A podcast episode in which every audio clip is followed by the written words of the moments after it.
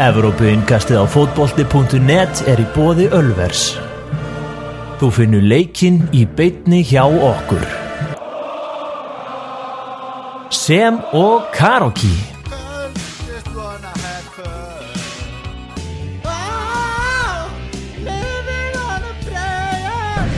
Píla, húl, mjöður, pítsur, hambúrgarar, stemning. Allt á Ölveri Glæsibæ. Komið sælir kæri hlustendur. Það er Evrópu einkastið sem að heilsar hér á þessu mánudaskvöldi 2000 önnur umferðin. Var að klárast með leik Manchester City og Wolves. Daniel Geir Moritz heiti ég og er með ykkur að vanda.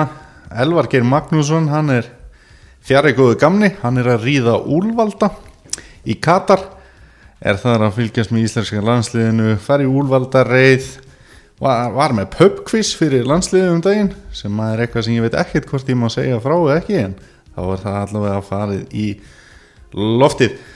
En ég degi ekki ráða laust ég sé fluttið til Vestmanneja og hér er ég búin að grafa upp skoðanabróðir þjáningabróðir kannski.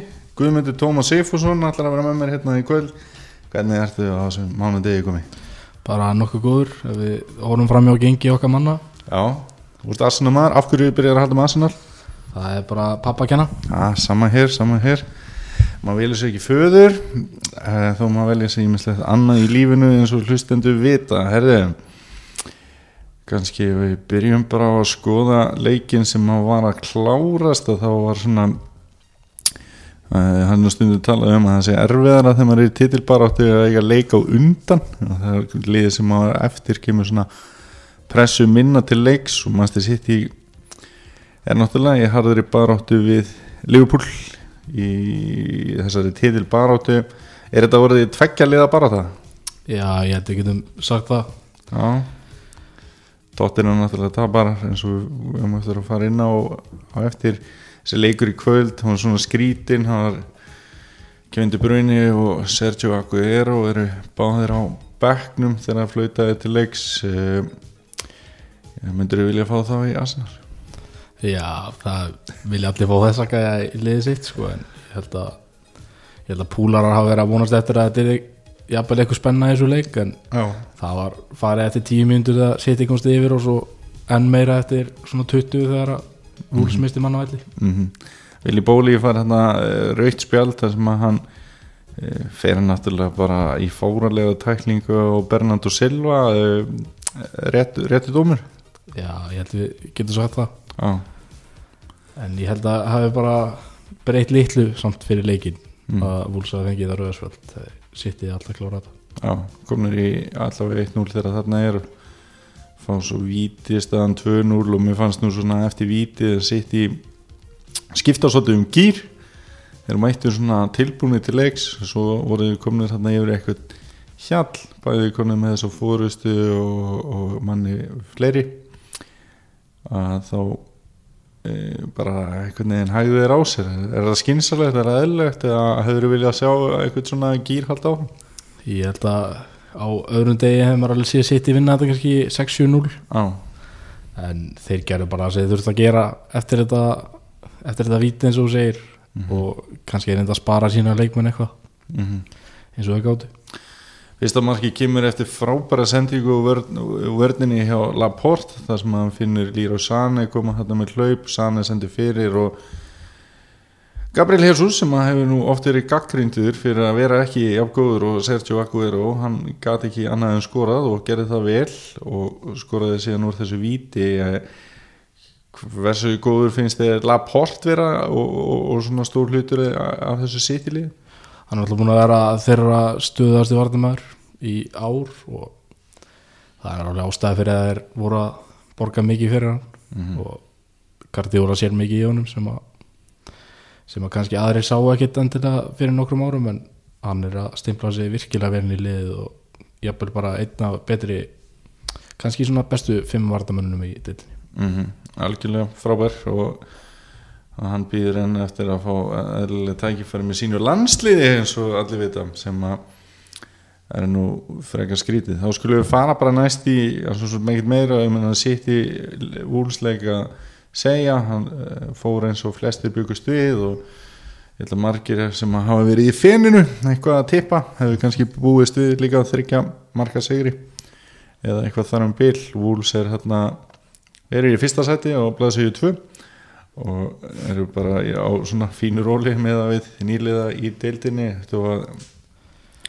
margir vilja sjá kannski meira hjá þeim og þeir voru með veskið á lofti en það er ekki langt í eins og upp í sjöunda sæti fyrir þá stigalega sé en leikur þessar umferðar og það sem allir byggðu eftir það er, var svona dónaskapur kannski háið um hafður fyrir önnur lið sem að United var búið að mæta að þetta væri fyrsta próf ólíkunan sólsker en ég held að það veri nú bara að segjast alveg sama hvernig á það er litið að þetta sé náttúrulega langstæðsta verkefni sem hann tekur er búin að taka hinga til sem knatsbyrni stjóri Manchester United.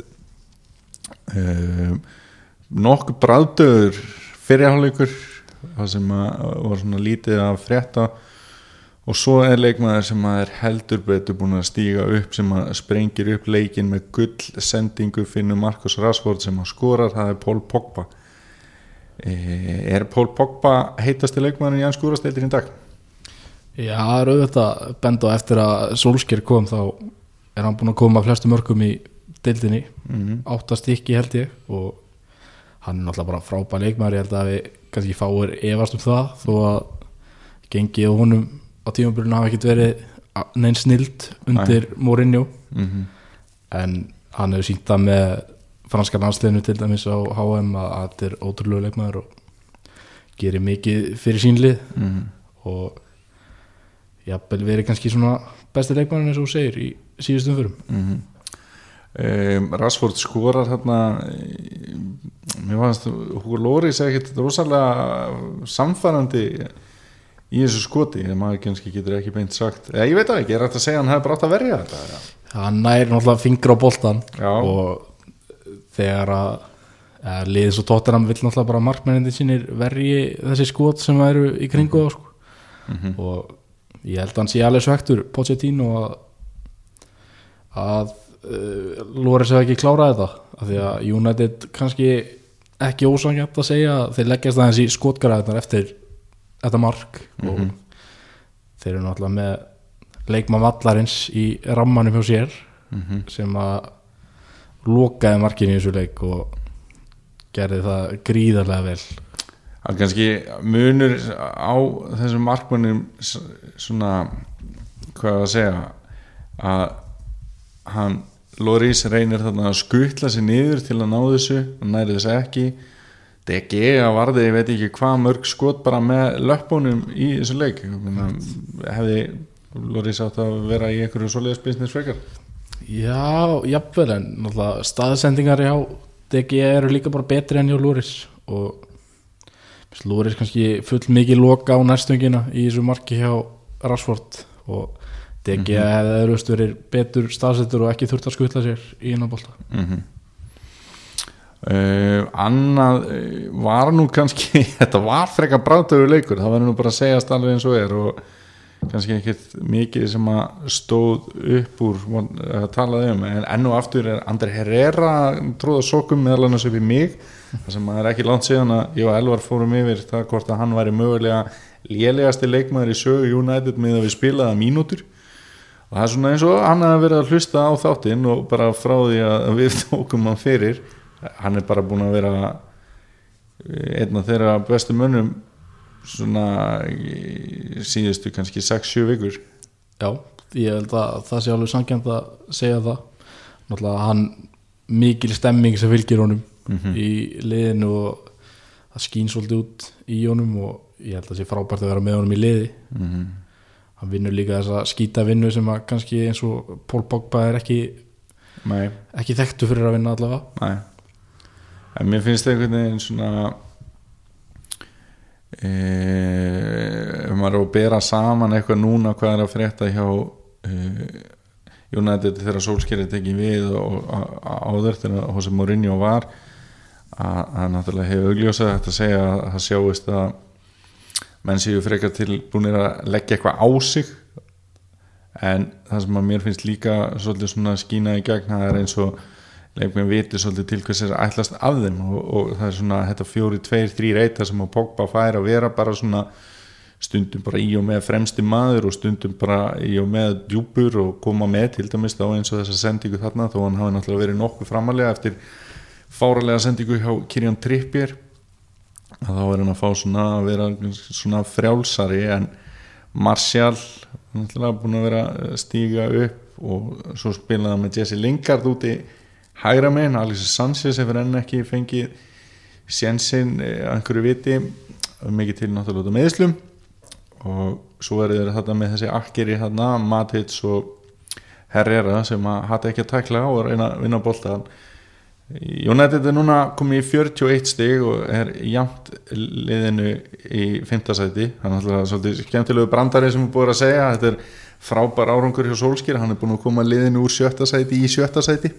þáttur að hafa unnið já. 5 leiki en við veitum nú samt að, að það er aldrei ósangjart að stilla þessu svona upp og United er núna 6 stigum og eftir Chelsea sérðu þetta að halda þannig áfram hjá United að þeir geti jafnvel bara farið í meistaradöldlega sæti Já, ég held að það velti svolítið mikið á Chelsea Mhm. frekar en United ok, uh, ég sé United kannski ekki vinna alla leikina sem eftir er að tímabilinu. Þannig að þeir munu alveg tapa stigum en það er bara spurning hver öflugir Chelsea verða held ég í næstu umferðum sem að maður getur fengið kannski aðeins betri mynd á þetta. Mm en United náttúrulega verið frábæri síðan að Solskjaer tók við. Uh, það er auðvitað að benda á kannski að þetta hef ekki verið léttustu liðin, nei ekki verið erfiðustu liðin emitt, sem er að keppa við en Mourinho var heldur ekkert að vinna þessi léttustu lið. Nei, akkurat og svona kannski stílinn eða hvernig þau hafa unnið þessi lið er líka bara mjög flott og eitthvað sem að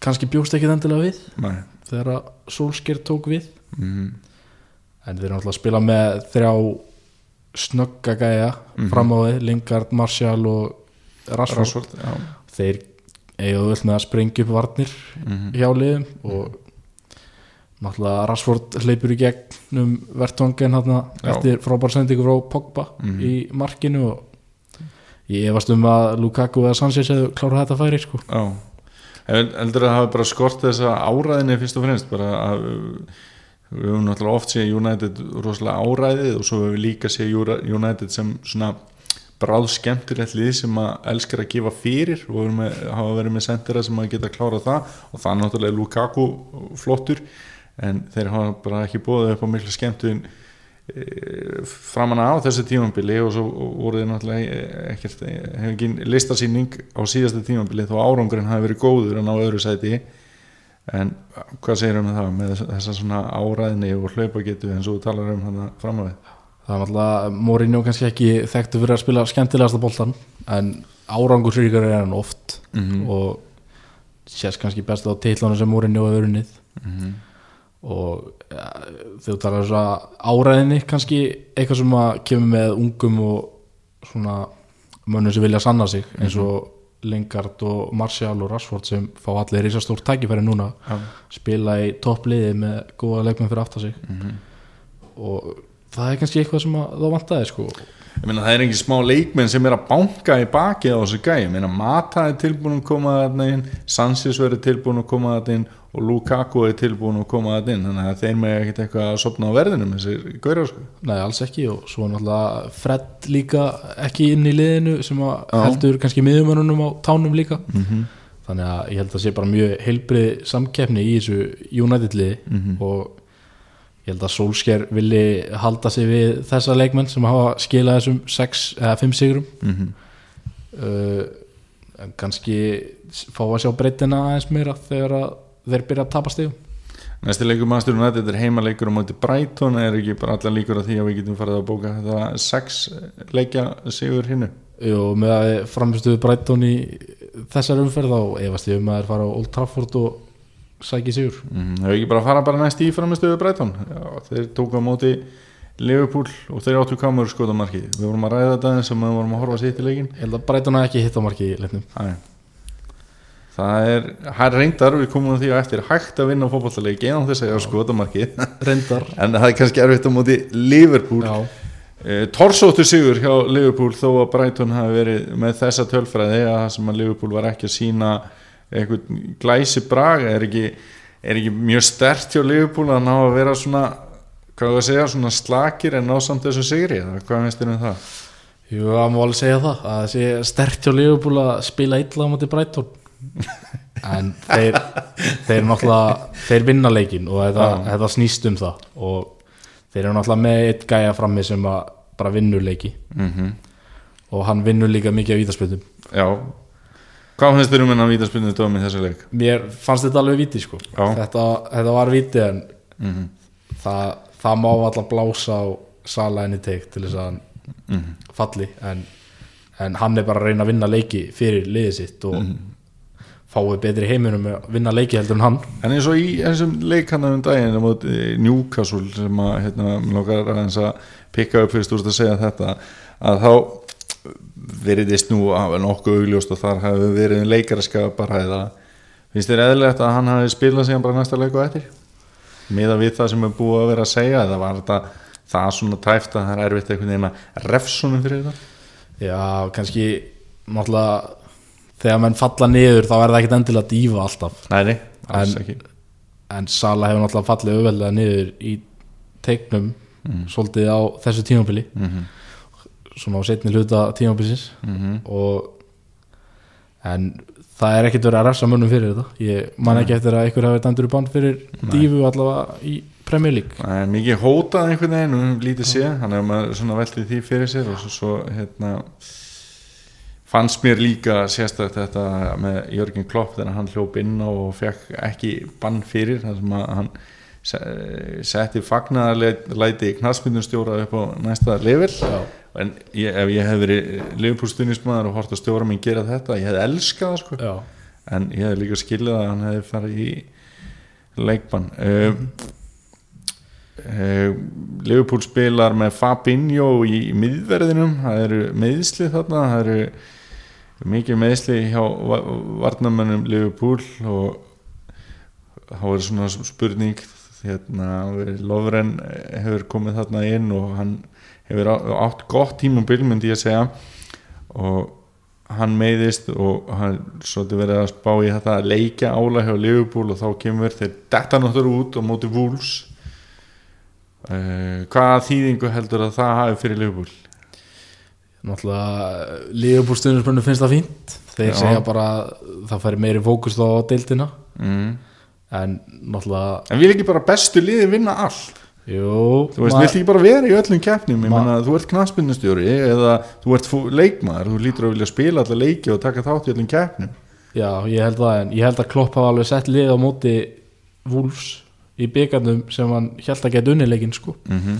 ég held að hann hafi ekki verið að gefa leikinn. Nei, nei. En- og hann setti náttúrulega sterkar leikmenn inn og líka sem átti að reyna að bjarga þessu fyrir hótt þannig að það segir sig einmitt og ég held að ég held að hann hefði vilja að fara áfram í þessum byggar en ég held að liðið eins og kannski City hefðu farið áfram á móti Wolves mm -hmm. uh, bara með öfluri leikmannahóp og þessi gæði fyrir utan kannski starting 11 eru bara mun sterkari hjá City Mhm. og það vantar aðeins upp á breytina á Leopold og ég tala nú ekki um þegar að það eru nokkri leikmenn mittir Mhm. eins og Lovren og Gómez í vörninni Fabinho hins og fekk mikið lof fyrir sína framistu einhvers það valinn maður leiksins og Sala skoraði þetta mark eftir vítaspunni sem að hann fiskar sjálfur og Van Dijk og Robertson uh, meðal manna sem að eru nefndir og lofaðir fyrir framistu í þessum leik og bæði hérna, sterti á Liverpool að, ná í þrjústi og út í velli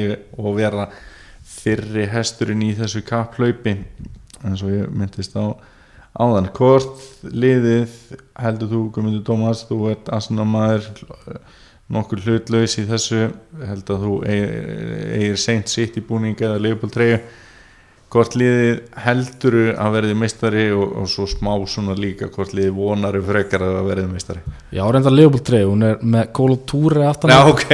Og, en þarna ég held að City verið mistari Já, okkur þeir eru með betri leikmannahóp og Leo, og hvað, hvað þarftu þú veist, hvað það leikmann á hópur að vera veist, með marga leikmenn til þess að það skipti einhverju máli?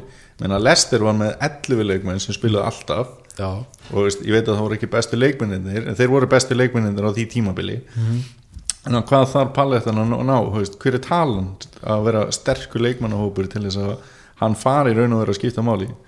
Að því gefnu að menn séu ekki að þetta er mikið meðislega hvernig það er já, ég held að sé bara mjög misjönd á milli liða eins og Guardiola vill náttúrulega rótera leikmannóknum sínum mikið Já. og kannski að þetta er að koma í baki á honum hversu stóran leikmannópan er með hann vill náttúrulega halda öllum hjá félaginu og halda Já. öllum ánæðum og þá þarf hann að láta alla þess að gæja að spila Mhm. af því að hann er með marga leikmenn á bekknum ég meina bara í, í leiknum í kvöld þá byrja ekki Aguero, De Bruyne, Benjamin Mendy Otamendi, Vincent Kompany og Riyad Mahrez bara sem dæmi þetta er bara, þetta er bara ágæti spyrunali sem mm tækir líklega bara mista til það sæti já, akkurat. En það er Guardiola er náttúrulega ekki eins knastmjöndstjóri og Klopp. Nei. þeir eru rosa ólíkir. Mm Klopp er náttúrulega bara með sína þrjá sem byrja alltaf frammi. -hmm. og ef þeir haldast heilir til loka tímabils þá liðbúlu þetta gæti alveg unni deildina. En ég e einhvern veginn held ég að breytin á City muni klára þetta liðbúlu er samt á gríðarlega siglingu í deildinni og þeir hafa fengið 30 stig af síðustu 33 mögulegum Mhm. það er útrúlegt og eina tapir er á móti City, allt hitt eru bara sigrar. Það eru með fjórastega fórustur sem Já. stendur. Síðan þeir gerðu jættebliðið Arsenal. Á Emirates. Algjörlega, þeir gerir ekki jafntöflum í jólin en við ætlum ekki að fara nána til það. Þannig að þú, peningarnir þínu færa frekar og setji út af breytinni, hvernig finnst þeir hafa lukkast samt hjá Jörgen Klopp sem að sko hans verkefni fyrir þetta tímabil verður ekki að búa til eitthvað byrjunalið, það var svolítið kannski komið að mörgu leiti á síðasta tímabili e, fyrir þann auðljóst e, að hann fekk sér nýja markmann og, og við veitum nú hversu öflugur hann hefur verið þeim. Bara hversu langt finnst þér hann vera komin að breyka þennan hóp hann er náttúrulega reynd og, en þetta náttúrulega markmannskref er að stærsta hjá þeim og það var það mikilvægasta. Ég held að ég held að engin liðbúl maður farið kókrusturinn í þetta tímabil með Karius og Minjolet Mhm. sem markmannina en hann er náttúrulega fekk Fabinho fekk Keita sem áttu að ebla miðuna Shakiri til þess að spila framar. Uh, ágætis þetta er bara breykun og hóp auðvitað, en hann á langt í land með hann á er breytt og sitt í með og ég held að það verði ekkit lið með þessa breytt sem sitt í með á næstu árum í ennsku tildinni hins vegar eru svona leikmenn sem að ég ætla að veist, þeir eru jafnvel að detti trúðaflokk bara leikmenn eins og Origi og Daniel Sturridge þú veist, maður svona býst ekki við neinu endilega þegar þau komið inn. Maður veit, veit alveg hvað hérna sérstaklega eins og Daniel Sturridge hvað hann hefur sínt en þeir eru nú eða þeir ekki stæstu svona augnablikin á tímabilinu og Liverpool hinga til? Jú, við getum sagt það. Það var náttúrulega jöfnunumarki hjá Sturridge á móti Chelsea er ótrúlega mark. Mm -hmm. það er bara það er fáir að setja hann jafn mikið í skeitin og Sturridge gerði og þú, þú varst nú á einhverju Liverpool bar þegar þú varst að fara á þann leik. Já, ég var í Arendal og stóru liðbúlbar og það trilltist allt. Já. það var, þetta var svo geggja marka að meira segja gaman í Nóri já, nánast en, en svo skorar Origi náttúrulega þetta markamóti Evertón í grannarslagnum sem að gerði gríðarlega mikið við liðbúl og þeir hafa verið á rosa rönni eftir það og Evertón nánast bara loknast aðeins út af eftir, en samt þó að þeir séu að eiga þessi augnablík og allt það að þá er heiminn og haf og milli að geta talað um Mares og Gabriel Jesus. Já, ég held að ég held að við séum ekkert ósangjarnir Nei. við þá Daniel og Deivok ég held að þeir fyrir ekki okkur alveg Mhm. að setja ekki sama flokk og Mares og Jesus eh, við erum búin að svona flakka á milli aðeins leikjana og, og hérna bara gaman að því en með David De Gea það sem hann á þess að styrluðu framistuðu á móti tóttinum og, og einhverjir hérna hafa reynt að gera þessu talaði um að auðveldar vörslur og, og svoleiðis á meðan þeir sem að kannski kafa aðeins dýpra sjá því líkan leik lestur hjá honum upp og koma sér í allar þessar stöður. Þú gaman handbóltamarkmanar, þú veist hvað leiklesturinn er mikið var. En bara ótrúleg framistöða en hins vegar þá er United búið að fá á sig 32 mörg Alisson Becker er markmaður Leopold, hann er búin að fá á sig 10 mörg Já. Það hefur verið hérna, kaffistofu metingur, allt þetta tímabil að bera þessa tvo gæja saman, ef þú mætti velja annan þeirra til að koma núna í þittli það er erfitt. Ég tæk allavega ekki þann David Gea sem var með Spáni á HM Nei, ef mitt en og auðvelt að segja, já ég er til í hann ef hann spilar eins og á móti tóttina en við vitum að það gerist ekki hverju viku. Nei, mitt, þeir eru náttúrulega þeir eru alveg ólíkir ólíkir markverðir mjög ólíkir. En, en báðið náttúrulega frábærir og mm. en bara byssa hausinn annan nafnið, hvað kemur? Það er hva, með hvað liðari, vil ég fá hann til Arsenal? á, Já, ég, það bara. ég tæki De Gea til Arsenal geti ekki til Arsenal, ok, þá er það komið. Fáum okkur fleiri skot. Já, uh, ok uh, Við töluðum um frábæra sendingu hjá Paul Pogba áðan en það var ekki flottasta sending helgarinnar. Hún kom held ég alveg pottið í leik Chelsea og Newcastle þar sem að David Lewis nú talaði ég um trúða áðan hann hefur nú verið fyrirliði trúðaliðsins ansi oft en mikið svakalega er hann góður þegar hann er góður.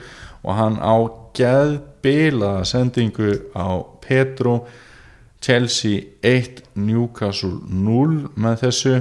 Eh, hvernig leikmaður finnst þið David Lewis vera? hann er svona allt eða ekkert leikmaður. Já, á sínum degi viltu náttúrulega alltaf hafa hann í liðinu en svo kannski skýtur hann á sig mikilvægsta leiknum á tímabilinu og þá viltu ekkert endilega vera með hann í liðinu næ, en hann er náttúrulega einn einn dýrasti varnamæður sem hefur verið keiftur á milli liða. Ég held að hann að kosta 50 miljónir Mhm. þegar hann keiftur það og þá er vel við hæfið hann að hendi í þessa 50 metra sendingu mm -hmm. í gegn á Petro. Mhm. uh, ég held þetta að hafi mér þess að verið no look sending. Mm. mitt þetta það var svolítið stíl yfir þessu. Þetta mm -hmm. og á sínu degi er hann alltaf frábær. Mm en eins og segir fyrirlið trúðaliðsins Mhm. kannski Já, á öðrum degi. Akkurat en En bara hversu mikilvægt er að geta haft þetta og veistu, við, við sáum þetta miljón sinnum hjá John Terry þegar hann var í Chelsea trefin eða eiga einhverja líkilsendingur og vördinni og snillingur oft í þessu svo kallega svona second assist sem sagt marki sem að skapa stóðsendingun nei, sendinguna sem að skapar stóðsendinguna fyrir marki og við, vorum að tala um Laporte áðan og við höfum séð Van Dijk og góða sendingar og vördinni og, og svona, ég meina E, þá er svona mín spurning með einn og mínum uppáðs mönnum í deildinni af hverju er Harry Maguire ekki komin í betra lið, getur við svarað því? Svo við vendum okkur hvaðið í kross. Ég get ekki svarað því sko en, en komum kannski aðeins meira lester á eftir. Mm en Maguire fer líklega í öflurarlið eftir þetta tímabil. Mhm. Geti vel síðan í United?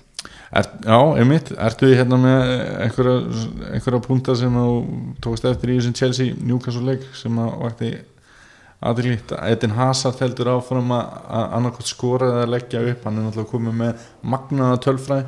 Já, hann er náttúrulega með 10 mörg og 10 stóðsendingar í deildinni. Mm og þeir eru tveir sem hafa náð 10 eða fleiri mörgum og stóðsendingum og það eru hann og Messi á þessu tímabili og hann er náttúrulega ótrúlegur Hazard og það er ekkit skrítið að Real Madrid sé að reyna að næli hann sem eftirmann Ronaldo. -hmm. öðru í sér leikmaður en gæðin er náttúrulega óumdilanleg Mm spilar í þessari fölsku nýju -hmm. hjá Chelsea sem að þeim vantar náttúrulega fram meira. Þeir Mhm. fara ekkert lind með það. Nei, nei, þeir bara spila ekkert fram meira sínum af því að þeir eru ekki nógu góður Nei, þeir vilja bara fá nýjan mm og betri þó við séum með frammera heimsmystarana -hmm. í sínum röðum Akkurat. og jafnvel annan center sem er hærra skrifaður en hann mm Morata sem er kæmis líklega í þetta trúaðlið hjá David Lewis -hmm. á mörgum dögum. Já. En Chelsea náttúrulega Sarri vill bara fá frammera mm og með frammera þá með frammera frá fyrsta degi þá væri Chelsea bara uppið þannig með City og Liverpool held ég Hvort tengir þú hérna Gonzalo Higuaín eða Callum Williams?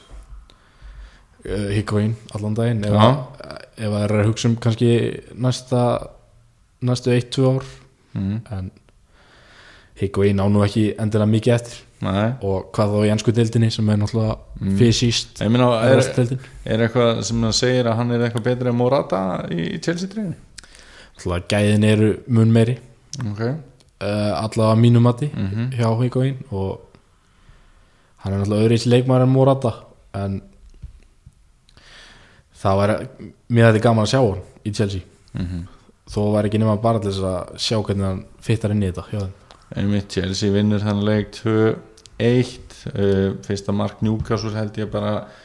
Síðan ég veit ekki hvenar uh, útlitið voruð dögt á þeim bænum. Þeir eru í fallsæti reyndar er þetta nokkuð þjættur pakki og Rafa Benítez verður öruglega ekki Já, ég held að hann falli ekki með þetta lið. Fyrir þá bara næst í leik Lester og Southampton tökum hann bara svona stutt og kannski lítið um það að segja nema nýji stjóri Southampton byrjar frábærlega og uh, Ward Prowse skorar hérna úr vítaspilni og Shane Long hann dúkað upp af öllum munnum langar með að segja og meira að segja að þá mistu Southampton mann að velli sterkur sigur hjá Southampton Já, en þetta hjekk á bláþræði hjá þeim Mhm. í setni áleik þeir eru auðvitað að missa mannavelli í fyrir áleik og ná að setja annar marki í leiknum annar marki sitt Mhm.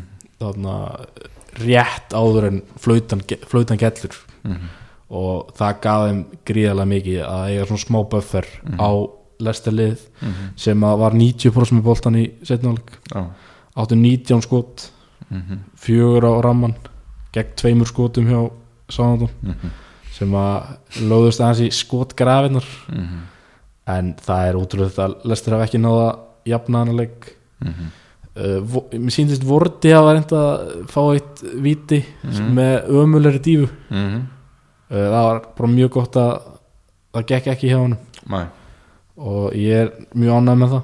Mhm. uh, Lester er náttúrulega skrítnasta liðið dildinni Herri, þeir, það var allt í bara háaloftana fyrir jólatörnina og Mhm. talaði um heitasta sæti og Claude Puel. Já, svo eiga þeir bara bestu jól, veist, þetta voru betri jól en maður átti þegar maður átt ára sko. þegar maður búin að fatta öll Mhm. jólin og, og bara trúði ennþá og sveinin og allt þetta sko. Já, þeir áttu betri jól en það. Klálega og svo bara drullan bara mætir á nýjári já, þetta var náttúrulega magnaði tvei leikir hjá þeim á móti Chelsea og City mm -hmm. 1-0 sigur og 2-1 sigur og, en svo er þeim kift hressilega niður á jörðina Mhm. stutt eftir það í tapi á móti Cardiff Mhm. 1-0 og það er heldur bara eina mark Cardiff í síðustu fimm leikjum Mhm. og sem er alveg galið. Já, komum með smá svar við því. Við tók hann út í sigur á móti Everton. Mjög góðan. mjög góðan, lánleysu Everton liði sem, sem að við skulum bara koma á eftir. En, en hérna svo kemur þessi Lester leikur á móti Sáðantón þeir tapa, það er svona augnablik með Sáðantón og nýjum stjóra. Heldur þetta hafi verið síðasti leikur Claude Puel í stjórastór Lester uh, ég, efast- ég held að vera ekki í síðasti uh, en við gleymum náttúrulega að þeir tapa líka fyrir Newport County Já, já, í, já, já, í byggarnum á milli þess að tvekja leikja sem að akkurat. er svakalegt áfall fyrir Lester mm uh, ég sá viðtal við leikmenn Lester fyrir þennan byggarleik og þeir töluðu mikið um að sem sagt, fallni eigandi félagsins hafi alltaf demt um að vinna FA byggarinn -hmm. og svo komaði með þessa hörmulu framistu á móti Newport County. Mm en voru að vísu ekki með þessi sterkasta lið inn á en, Æ, nei. en mér finnst það ekki að skipta máli á móti, Newport. á móti Nei, Newport akkurat. Sem eru í fjórðastu tild Þannig að dagar Claude Puel eru ekki endurlega taldir en það lítur að fara að styttast í því. Eh, Jóhann Berg Guðmundsson hann var ekki í leikmannahópi börnlega vegna meðsla eh, á móti fúlham Andri Sjúrle síndi það af hverju hann var einu sinni heimsmeistari í fótbolta með flottasta marki helgarinnar á nokkuð svafa ég ætla, ég ætla að setja pásu á það. Ég held að það var eitt mark sem ég fílaði aðeins mér ákvaða marka það? Uh, Við getum komið að þau eftir ef þú vilt. Nei, hvað er bara með. Skjótum Það er fram. cleverleg markið. Já, já, já nær hún er svona hátt á lofti. Já, mér það magnamark Það er líka, það er pressa á honum en, en þetta sjúrlega markið er alveg geggja Þetta er alltaf flótasta markið í leiknum. Það er óhætt að segja því að Hendrik hann e, gerði fúlham mönnum skráðu með því að leggja upp tvö sjálfsmörk og Dói og Brian þeir setti boltan í eigi mark og börnlegi tekst að skora tvö mörk án þess að eiga að skota á markið í leiknum. Það er galið. Það er algjörlega galið. Tom Heaton effekt er ekki að tala um það? Jú, hann er náttúrulega þeir eru búin að býja eftir honum. Mm -hmm. stuðnismenn Burnley ég fór leik með Burnley í desember þegar þeir heimsóttu Selhurst Park. Mm -hmm. og ég held ég hafi bara sjaldan séð liðið spila í af neilla live sko. Þeir voru ömulegir og Burnley eru búin að sko þeir áttu náttúrulega ömulegan kabla þeir tóku tóluleiki þar sem þeir unnu einu einungis einn. Mhm. En eftir það hafa þeir unni fjóra í röð og þar af þrjá í Premier League Mhm. og þetta hefur liftið upp í 15. sæti Já. en ef, án þessara sigra, ef þeir eru bara tapað þessum þremur leikjum Mhm. þá eru þeir bara á botninu með höttisvild það er líka bara þannig veist, Sean Dice hefði geta verið þú veist, hann hefði geta fallið og verið upp í sem veðmálasvindl og hann hefði ekki verið rekin sko. Er bara gerðsanlega elskar þarna þannig að það hefði líka verið þægilegt að finna það hjá þessu börnlega liði að veist, það var bara eitthvað þarna sem allir voru samstíðu um að ná að snúa og, ég held að börnlega uh, þeirra dagar síðan og nokkur neginn taldir í einhverju svona alvöru fallborati þegar næst er reyndar áhugavert verkefni útileikur á móti Votvort og talað um svona skrítin liða þá kannski má segja að Votvort sé skrítið að því leitinu að þeir eru bara í sjönda sæti þeir eru besta liðið í anskúrastildin eftir 22 umferðir fyrir utan þessi top 6 Já. einu sem nú heitir þetta top 4 en nú heitir þetta top 6 á kurtesi við okkar aðsennamenn Þannig að hvað, hvað viltu segja um þetta Votvort-lið? Votvort eru ekki með besta leikmannhópin fyrir utan þessi top 6 lið það eru Lester. Lester Vestham, Evertón eru öll með betri leikmannhóp heldur en Votvort en, en Votvort erum við 32 mörg 32 fengið á sig og 32 stík það er svolítið talan í Votvort þess að dagana. Mhm. en það er útrúlegt hver mörg stík þeir eru með finnst mér. Og að þeir séu fyrir ofan Lester, Vestham og Evertón er bara það er svakalegt sko. mm Heimaleikur á móti börnlega mitt næsti leikur sem að þeir hljóta að fara í ákvaðir í.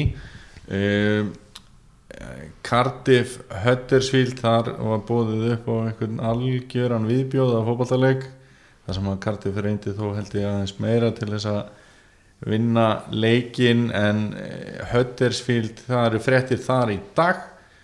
Eh, stjóri þeirra núna undir kvöld hann sagði starfið sínu lausu baði um að fá losna David Wagner e, pínu leðilegt þetta er svona stjóri sem að maður hreifst svolítið af og náttúrulega hann var með lélegasta liðið í ennsku úrvastildinni í fyrra og lendi hvað í 14. sæti held ég eða eitthvað Já, þú veist, bara ótrúlega flottir árangur og skoruðu valla mark og skoruðu bara þryggjastegumörk og núna er ævintýrinu lokið og Huddersfield er með 11 stig þeir eru 8 stigum á eftir eða sérst frá örugu sæti.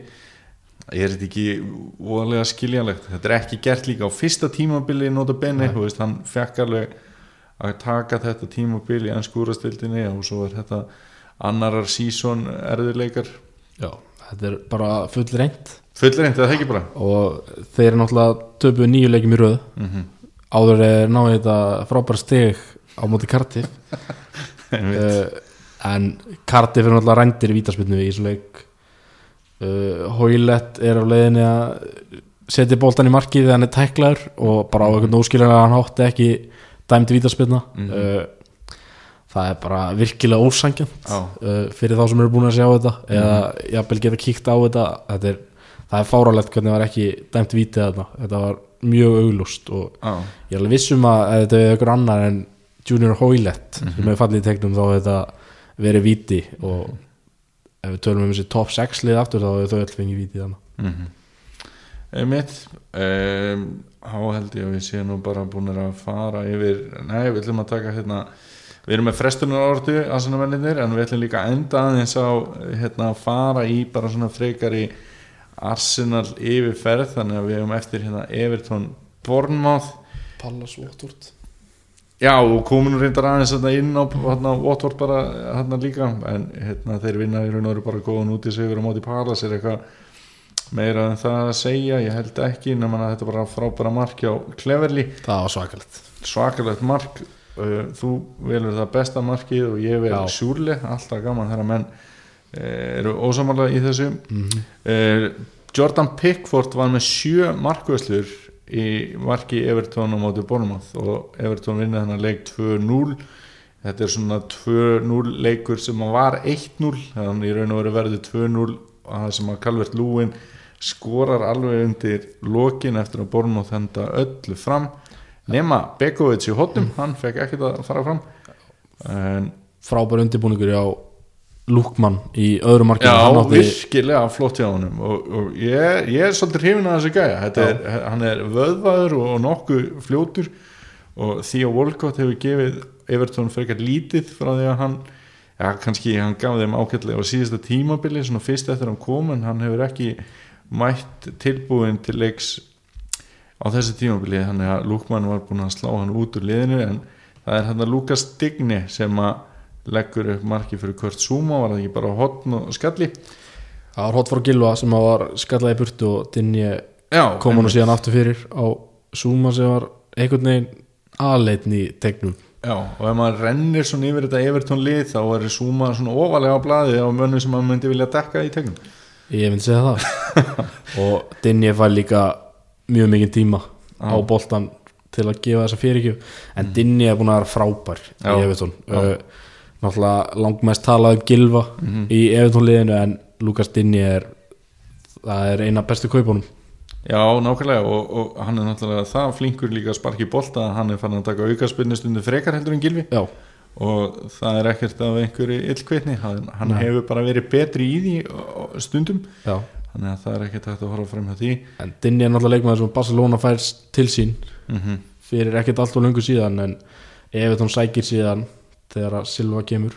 Og hann er náttúrulega að slá út eitthvað mesta Evertón legend setni ára, Leighton Baines og þú þarft alveg að vera alveg gæði til þess að koma inn í Evertón lið og taka stöðuna af honum. -hmm.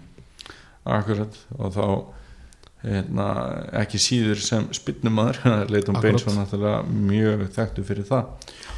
Fyrsti leikur hérna, umferðinar var heimaleikur Vestam á móti Arsenal eh, Arsenal stillir upp eh, miða við þeirra leikmannahóp frekar sterkur liði. Eh, hins vegar var Lucas Torreira, hann var á bekknum og, og enn og aftur ekkert sást af Mesut Özil og Bellerín kemur síðan inn af bekknum búin að vera mittur og hann var fyrir leikmaður Arsenal Samir Nasri sem að leggur fyrir Declan Rice, leggur upp fyrir hann eftir að Granit Xhaka hafi fallið á fyrstu krossaspurningu í, í prófinu hvernig á ekki eða hvernig skal skalla úr tegnum þar sem hann skallaði bara beint í fætuðun á Nasi og hann gati ekki annað en lagt hann fyrir félaga sinn sem að það raumaði markið og hafði svona líka gaman að og valinn eh, maður leiksins af hérna, fólkinu á vellinum og þetta er leikmaður Declan Rice sem er núna bara settur í flokk með ungum Carrick og Ferdinand sem svona vardamaður eða varna sinna miðjumæður allavega gæði sem að líku freka tilbaka og látið ekki blekja ykkur að því að hann skoraði, hann er ekki markaskorari heldur kemur þetta upp úr föstu leikadri ríkalega gaman fyrir vestam að sjá svona gæja enn og aftur vera að koma upp hjá þessu lið Þetta er náttúrulega ekkit gæðir sem er að brjótast fram á sjónansviðið mitt í, fyrst, nei, í síðustu umferðum. Nei, nei. Hann er búin að spila í síðustu 21 leik en er búin að missa af 8 mínútum. Mhm. og þá er þetta alveg með öllum keppnum sem sagt í deildabikafnum og í FA Já, og það er ótrúlegt fyrir svona 20 ára gæja já, að vera svona stabíl Mhm. inni í liðinu. Hann er nýjórðin tvítur uh, fekk þetta næstu í amalisku þetta mark. Mm akkurat. og sko þeir vestanstuðnismenn eru gríðalega ánægð með hann. Og maður sér það út um allt á samfélagsmiðlum þegar maður er að glugga í boltan Mhm. og það er útrúlegt hvað þeir eru ánægð með hann. Mm -hmm. vestam er með frábæna leikmannhóp Mhm. þeir eru líklega bara með sjöunda besta leikmannhópin í deildinni. Að mínu mati. Mm, Það er nú reyndar verið að tala um að það eigi að veikja þann leikmann að hópa all hressilega í janúar því að kannski þeirra svona vinsalasti leikmaður og, og, og stjarnan í liðinu Marko Arnautovic sem að ég nú stundu talað um sem svona B-útgáðuna að Zlatan Ibrahimovic sem þeir alveg ótrúlega áþekki leikmenn þó að gæðin séu vissilega ekki alveg þau sömu en og þeir hafa náttúrulega líka svolítið með sér að vera svona geta verið svolítið fíbl þegar það þá langar til og ég hrifst nú alltaf einhver hluta vegna og svolítið svoleiðis. En það er talað um að kínapenningarnir séu að heilla hann allverulega. E, erum við ekki svona eiginlega konur í það að geta bóka farsæðin bara í tilkynna Jú, en við viljum náttúrulega halda honum í deildinni. Já ekki Hann er- spurning. hann er rosalega flóttu leikmaður en það er nú annar leikmaður sem skora fleiri mörg en hann í liðinu Filipe Andersson og hann er kjara kaup fyrir uh, Vestham Mhm. hann er bara 25 ára. Ég held að hann væri að nálgast þrítugt. Mhm. og þetta er svakalegu gæi Mhm.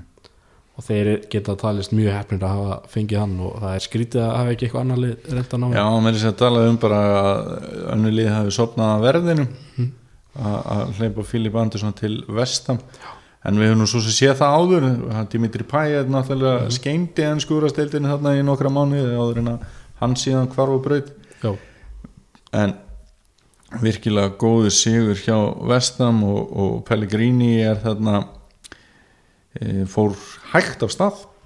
En svo eru líka leikmenn sem hann fekk til liðsins eða fór að spila meira til dæmis eins og Ræs og svo Diop hann í vörninni sem að fekk enn og aftur mikið lof fyrir sína framistu ég, ég átti líka ekki vonaði að Sami Nasri fengi samning.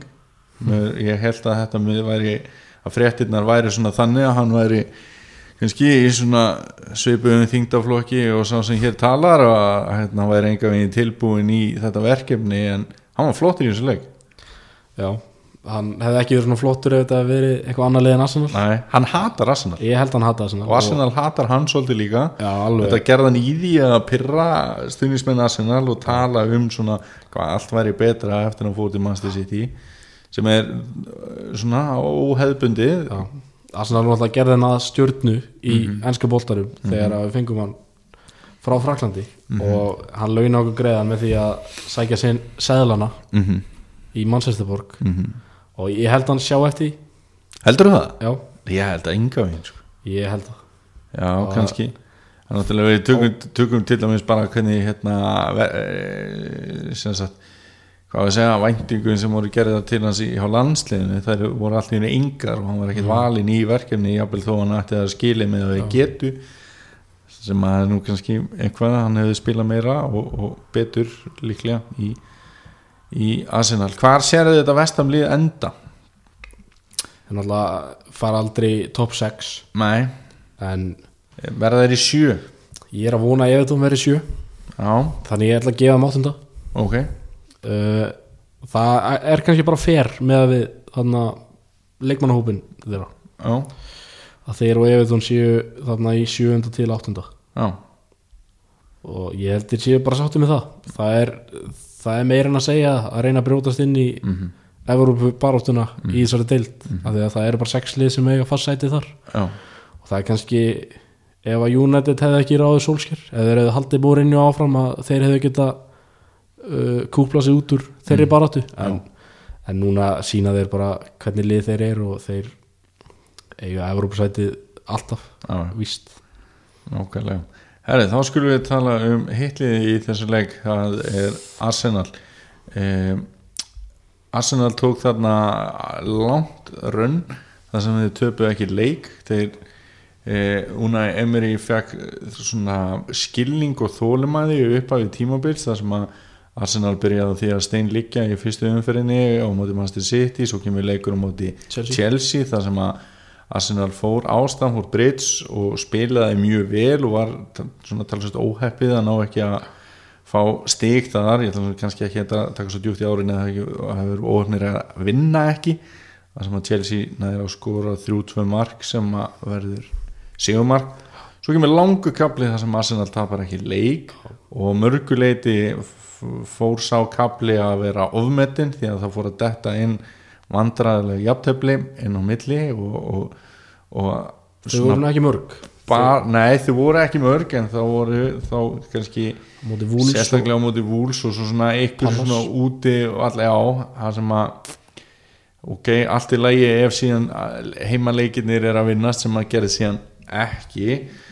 Og síðan hérna við töluðum um jólin í Leicester. Þá komu jólin aldrei á Emirates einhvern veginn. Þetta var svona frekar daburt bæði já, eiginlega fyrir jól og um jólin svona þannig lagað.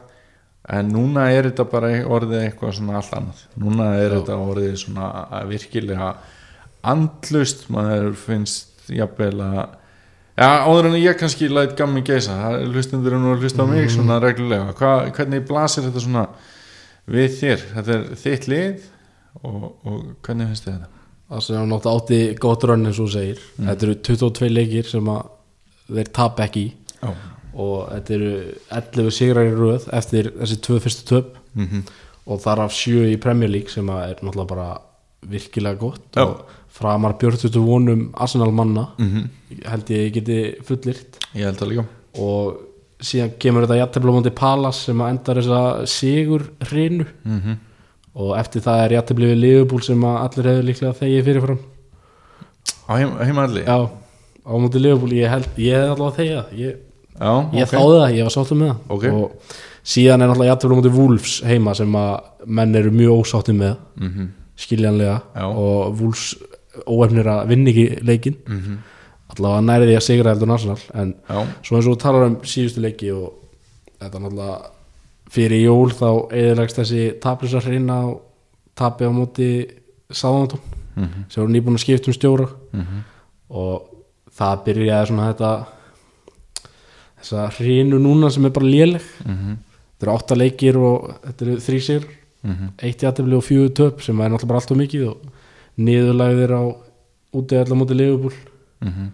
Sem að gerði ekki mikið fyrir mann Nei og Nokkur samfærandi tap í síðasta leik já það, við áttum ekki neitt skili Nei. út af þeim leik Nei en hvað er að klikka? Af hverju hérna kemur svona niður sveifla og af hverju, þú veist, bara ertu með einhver svör við þessu? alltaf, þegar við erum að spila hvað besta bolta á þessu tímabili ef við kannski tökum tóttunarleikin út fyrir sjöga þá er Ösil miðjan í því Mhm.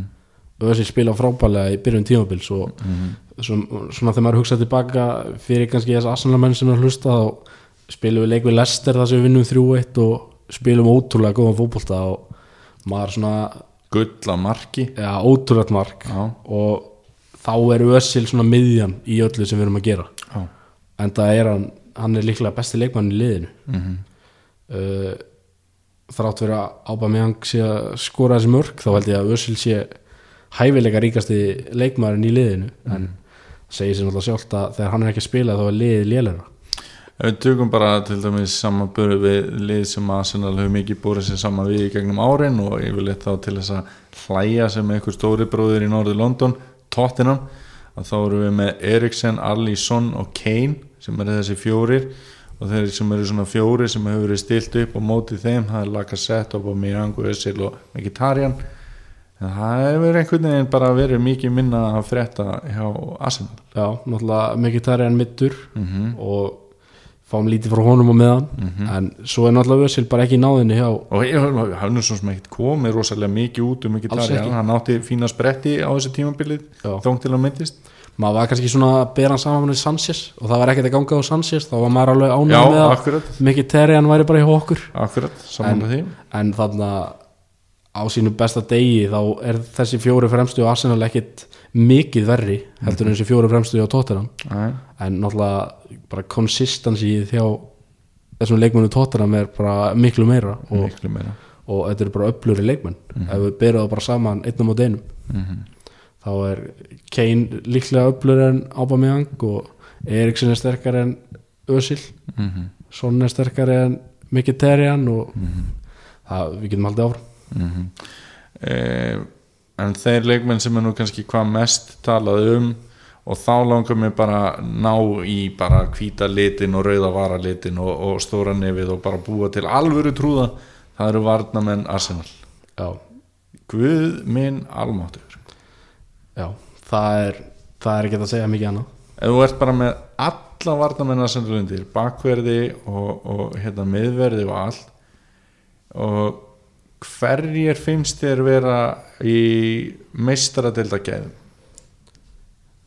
það er erfitt að segja. Bara byrja í, í leik í áttalegu úsliti með meistaradeldi ég held bara engin, ekki eins og markmann. Nei, og ekki Bellerín heldur? nei, Nei, það er bara engin já, ég held Þú ekki ert með Kolasiniak, Monreal, Mustafi. Ef við skoðum þessi lið sem er sex, Sókratis og... já, ef við skoðum þessi lið sem að fara áfram úr 16 úrslutunum Já. eða bara þau lið sem eru í 16 úrslutunum við kannski tökum í burtu Sjálke og kannski Róma mm uh, þá sé ég þessa leikmenn ekki komast í byrjunalið hjá þeim. Nei, einmitt. Bara uh, langt í frá verð ég að segja. En Bellerín náttúrulega ágætur sóknarlega en náttúrulega ekkit konsistensi í, í honum uh, og varnarlega er hann líka bara lost á mínum átti Hann er ekki lost í, í tískunni? Nei, Hann leitur mikið að sig kveða það Hvað finnst þér um það? Já, hann má náttúrulega bara gera það sem hann vill út af allar sko en ég vil frekar hafa hann inn á í Arsenal allavega eins og staðan er núna. Þó hann sé ekki mestadelda gæðum þá er hann alveg í Arsenal gæðum Já, eins og við erum að spila núna. Já. En heldur að hérna sko, ma- maður getur ímynda sér að hann á stundið þegar menn eru með mörg verkefni og mikið og sinni könnu að fara í eitt að bitna á öðru og svo eru náttúrulega sumi sem virka þannig að þeir fungir ekki fyrir að þeir halda öllum boltum á lofti hvað, er þetta ekki bara trubla fyrir bellerín að vera með einhverja svona eh, einhverja ljóta mottu og, og, og hári í takli og, og, og koma í einhverjum rosa fötum á völlin eða Jú, ég held að geta alveg verið að törflan sko. Já. en þetta er bara eitthvað sem hann kýs og ef hann vil gera þetta þá bara gerir hann þetta Já. en hann progressa lítið sem fótboltumæður Mhm. á meðan hann er 50-50 í tískunni og í boltanum. Svo sjáum við leikmenn bara eins og Pól Pogba sem að hann verðist ekki alltaf skipta öllu máli hvað hann er að gera. Hann er samt bara með betri mönnum á vellirum Já, það er rétt en náttúrulega Rams segir líka út úr liðinu hjá Emri en það erum við búin að missa hann til Juventus. Já. uh, heldur það að gerist í janúar? Nei, það gerist eftir ok, okay. já, en, en það er samt skelvilegt fyrir Arsenal að missa Ramsey. Uh, við þurfum að halda öllum svona gæjum hjá okkur Já. að mínu mati. Og ef við horfum á þetta Arsenali það er hundra svona betra ef að Ramsey og Özil eru báðir í. Já. Herri, ég ætla með þig í leikin spilun eða bilun. Og hérna, ég vona að þessi ekki koma flatt upp á þig en hérna, ég ætla bara að nefna hérna, nöfn. Og það er ekki þitt að útskýra en það gæti verið mitt að, að, að hérna, brjóta upp og spyrja. Okay. og við ætlum bara að taka þetta frá aftasta manni og, og bara fram og bara mikið fleiri heldur en bara byrjunarlið og, og spilun þá viltu halda og bilun þá viltu að þeir fari á önnur mið. Bernd, Bernd Leno Er ég að setja mig í sæti Emri Ná, já, og þú er bara að tala um bara, veist, er þetta nógu góðu leikmaði til að vera í Arsenal sem að vil vera að berjast um mestara til þess að og bara í byrjunarliðinu eða í hófnum Já, bara hvað sem er. Ok. Bernd Leno, Já, við höldum honum. Check. Hann má fara. Og Martínez, hann er, já, þetta kom hann ekki með. Nei, Bellerín, höldum honum. Mustafi. Við höldum honum. Já, Kolasiniak Já, við höldum honum. Monreal, Hann má fara. Rob Holding. Við höldum honum. Sókratis Ég er svona á báðum áttu Ég, ég vil halda honum. Lichtsteiner Nei, ég vil helst ekki sjá hann. Æ, Koscielny. Hann er ekki heldur minn maður. Æ, svo erum við með hérna Mavraponus sem að eh, kannski hefur bara ekki alveg spilað nógu mikið, verið ópum með meðsli og náttúrulega nokkra væntingar gerða til hans og hann spilaði og síðasta tímabili undir lokin hann sem að hann svona var ekkert eitthvað að selja treyjur en ekki gera sig allega Granit Xhaka, höldum honum, Lucas Torreira. Höldum honum. Aron Ramsey, höldum honum. Iwobi. Ég nei, ég er svona búin að snúast gegn honum. Ég vil ekki held honum. Hann er samt ungur. Hann er ungur en hann er ekkit það eru til yngri leikmenn Já. en hann en Ok. ég held að hann sé hann sé búinn Já, á þessu leveli. Ok, með svo dösil við höldum honum. Mkhitaryan ég vil ekki held honum. Æ, sleppa honum bara? Ég þarf að losa eitthvað budget eða ekki? Jú, ég, veist þú, Arsenal getur ekki verið bara að berjast um sjötta sætið og, og hérna og haldið öllu leikmennum nei, ég vil ég vil losa eitthvað budget og, en ég vil líka breyka hópin ok. Guendouzi? Ég gef honum Já. klárlega. Mm Maitland Niles?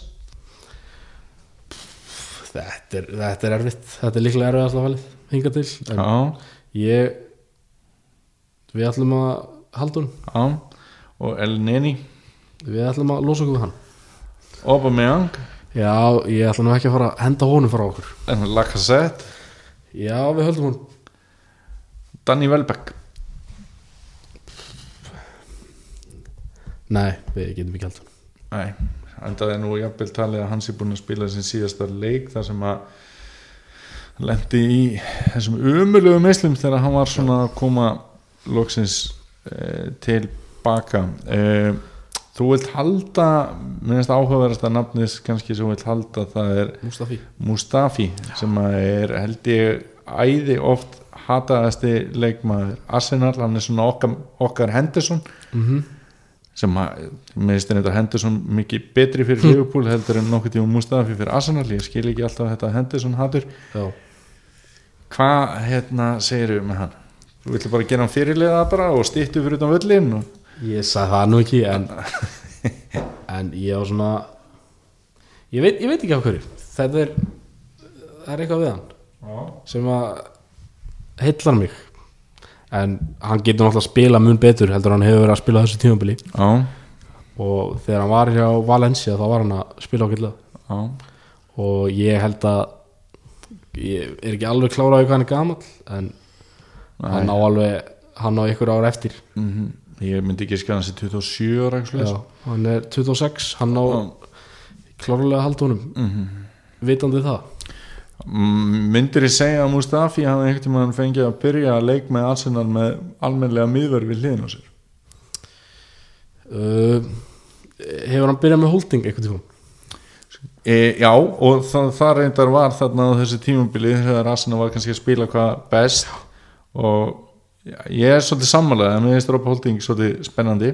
Já, náttúrulega það var tekin saman einhver tölfræði varandi Rob Holding og vörnina og Arsenal og, en hann náttúrulega hann meiðist Já, og dettur út úr liðinu á þessum tíma sem við erum að eiðilega rönnið okkar. Já, en hvort að það sé bara því að kenna Mhm. það skal ég ekki segja neitt um. Mm en Holding er mjög spennandi leikmaður og hann ég vona að við höldum honum alltaf uh, Ég hef reynd að skilja hvað sé að frétta með Mesut Özil sem að er með mestu gæðin í ennsku topp 5 en hann e, sýnir þau reynd ekki nógu oft.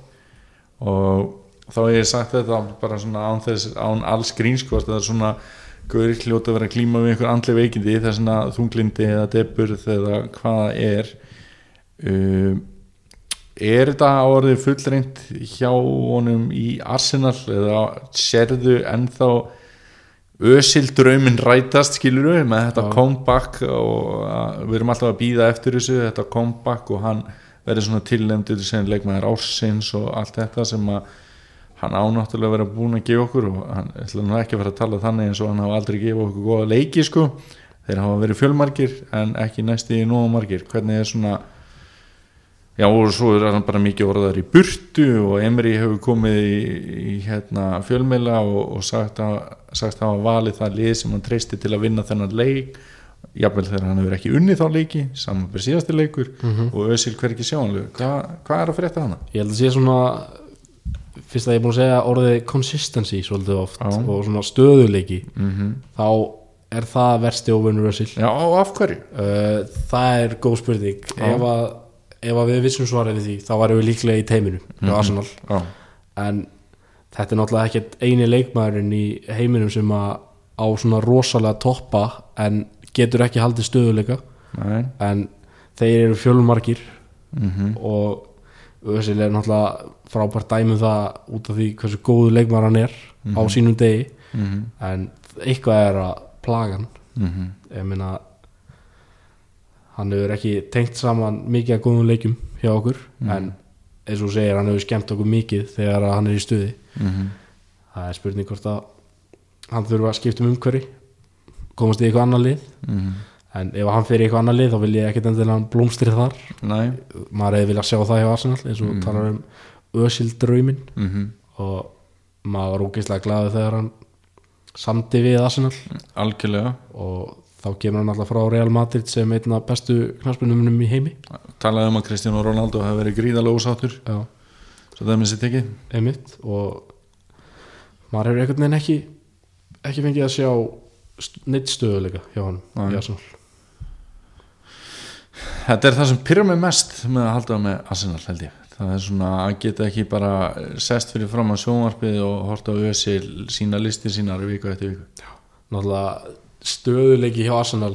Vengar var þjálfari í 22 ár eða 21 ár. Mm það er svolítið mikil stöðuleiki en síðustu árin hjá honum var stöðuleikin bara ekki á nú að háu leveli. Mæni uh, náttúrulega náði meistardeldinni 20 ári röð og klikkaði svo á því held ég tvisari röð. Mm -hmm. áður en að hann hætti eða var látin hætta. Mhm.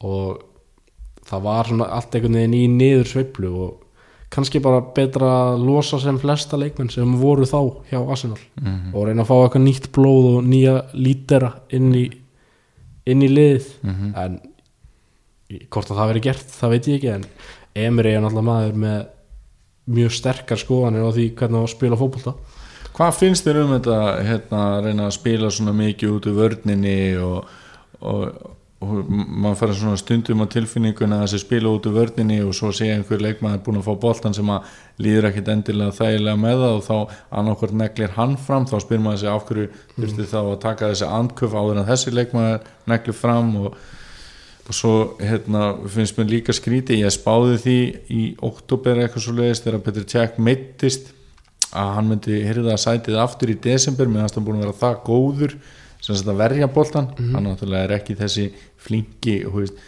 hann eða Alisson í Liverpool eða Edison eða hvað við viljum segja veist, þetta er, er vandræðilegu samanburður hvað lappirna var þar Já. en bara hvað hva finnst þér um uh, þessar pælingar allar? Þetta er náttúrulega bara hu í hugmyndafræði Emri já, og mér finnst því lítið gaman að horfa á sitt í spila fótbolta. Mhm. Þeir spila út frá markmanni og treysta mikið á markmannin í, í sínu uppspili og Leopold gerir það líka og þetta eru tvö Já. bestu liðin þeir sem voru að horfa á sittileikin á hann sáu þegar Ederson kom alveg út á miðju og Já.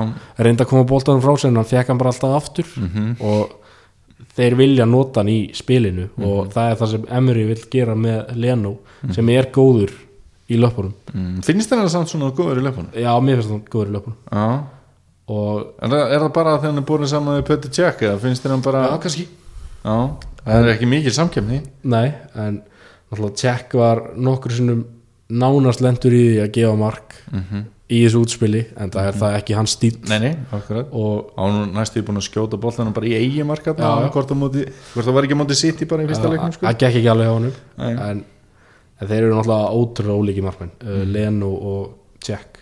Mm og með ólíka kosti og eins og segir Tjekk góður að vera boltan en Leno er það kannski ekki. Nei Nei, ég veit ekki, maður var svona spenntur fyrir því að því að mér fannst því að Tjekk eh, vera búin að spila sig út úr liðinu eh, svona síðustu tvö tímabil. Og maður var spenntur fyrir því að fá nýjan markmann.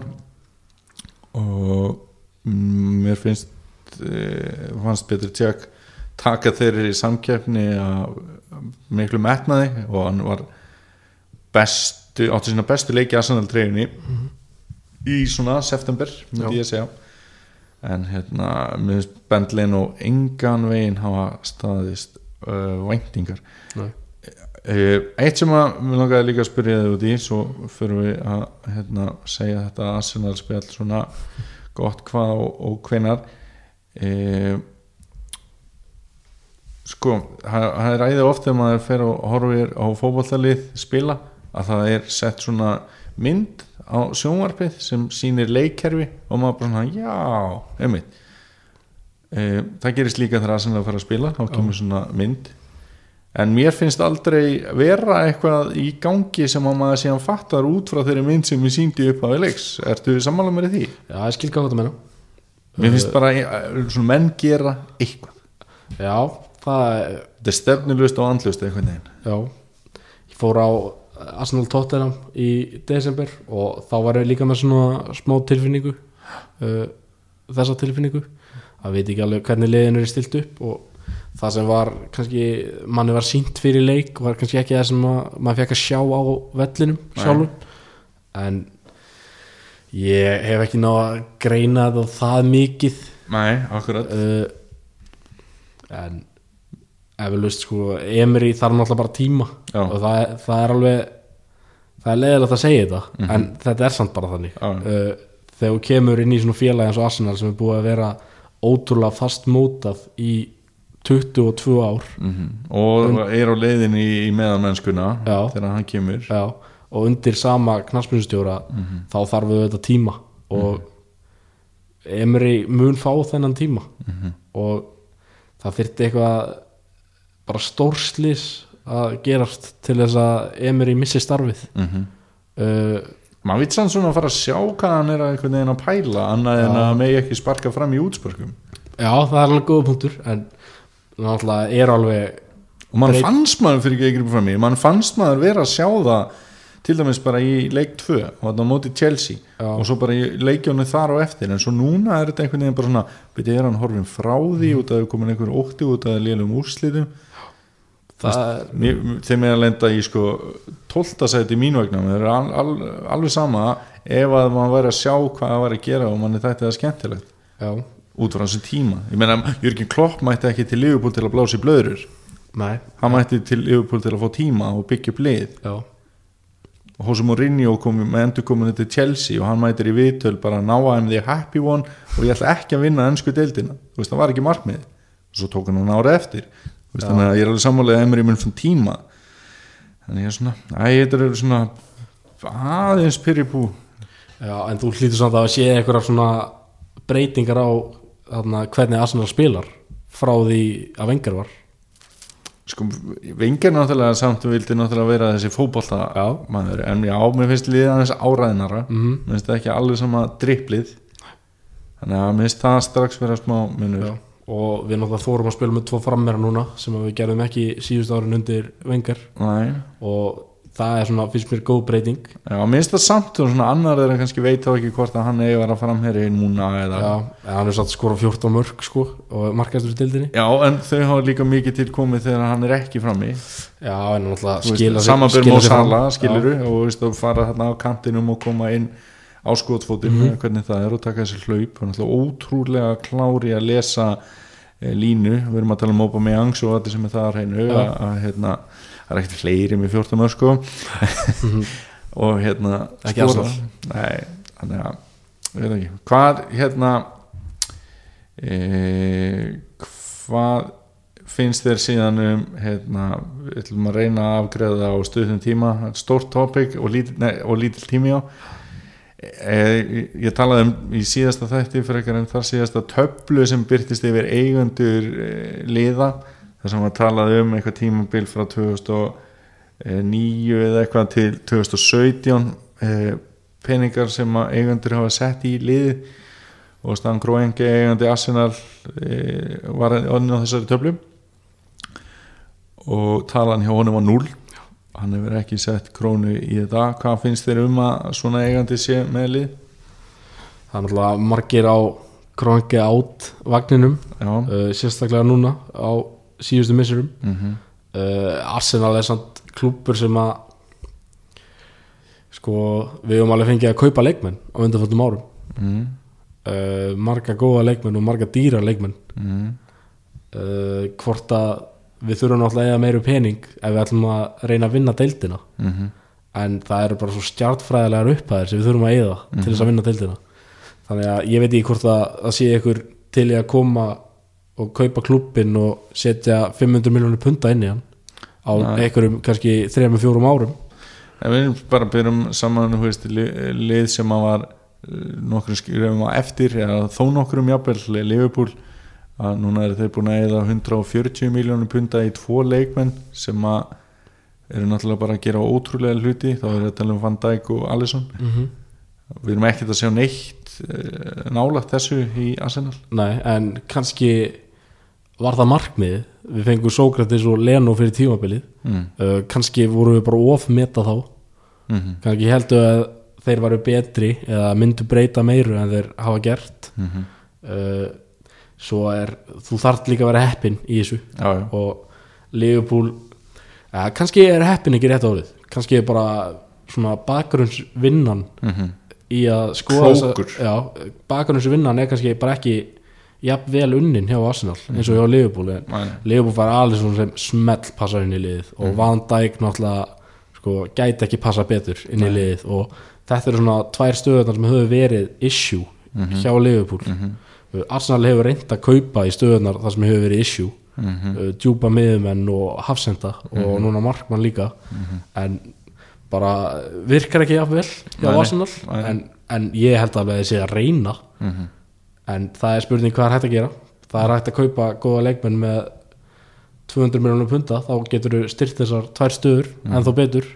En ef að peningurinn er ekki að koma inn í klubbin til þess að kaupa þessar leikmenn þá, þá sér maður það ekki gerast vinnur Arsenal Európa-dildina uh, mér fannst við vera heppnir með hver fá öfluglið komu úr meistardildinni með við það sem hefði gett orðið.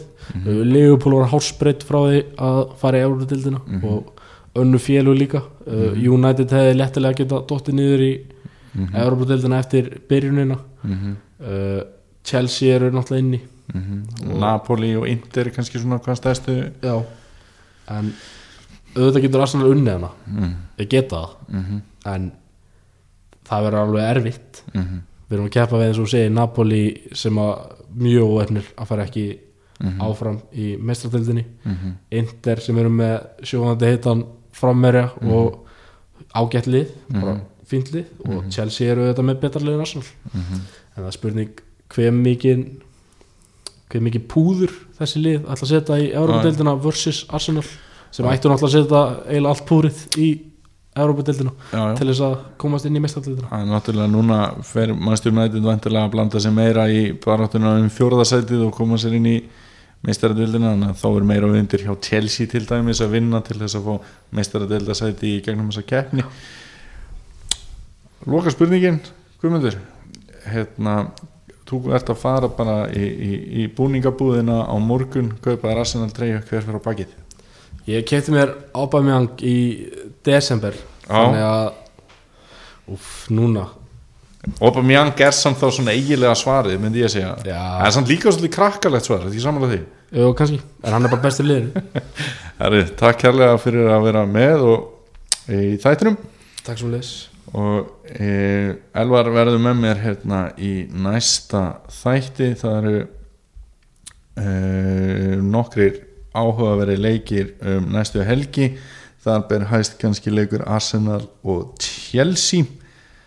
Og Fulham tekur á móti það er svona fyndi sunnudagar það eru Huddersfield og Fulham það er heimaleiki á móti Manchester City og Tottenham. En Arsenal Chelsea er væntarlega sá leikur sem að augum, augum flestra beinast að. Takk fyrir að hlusta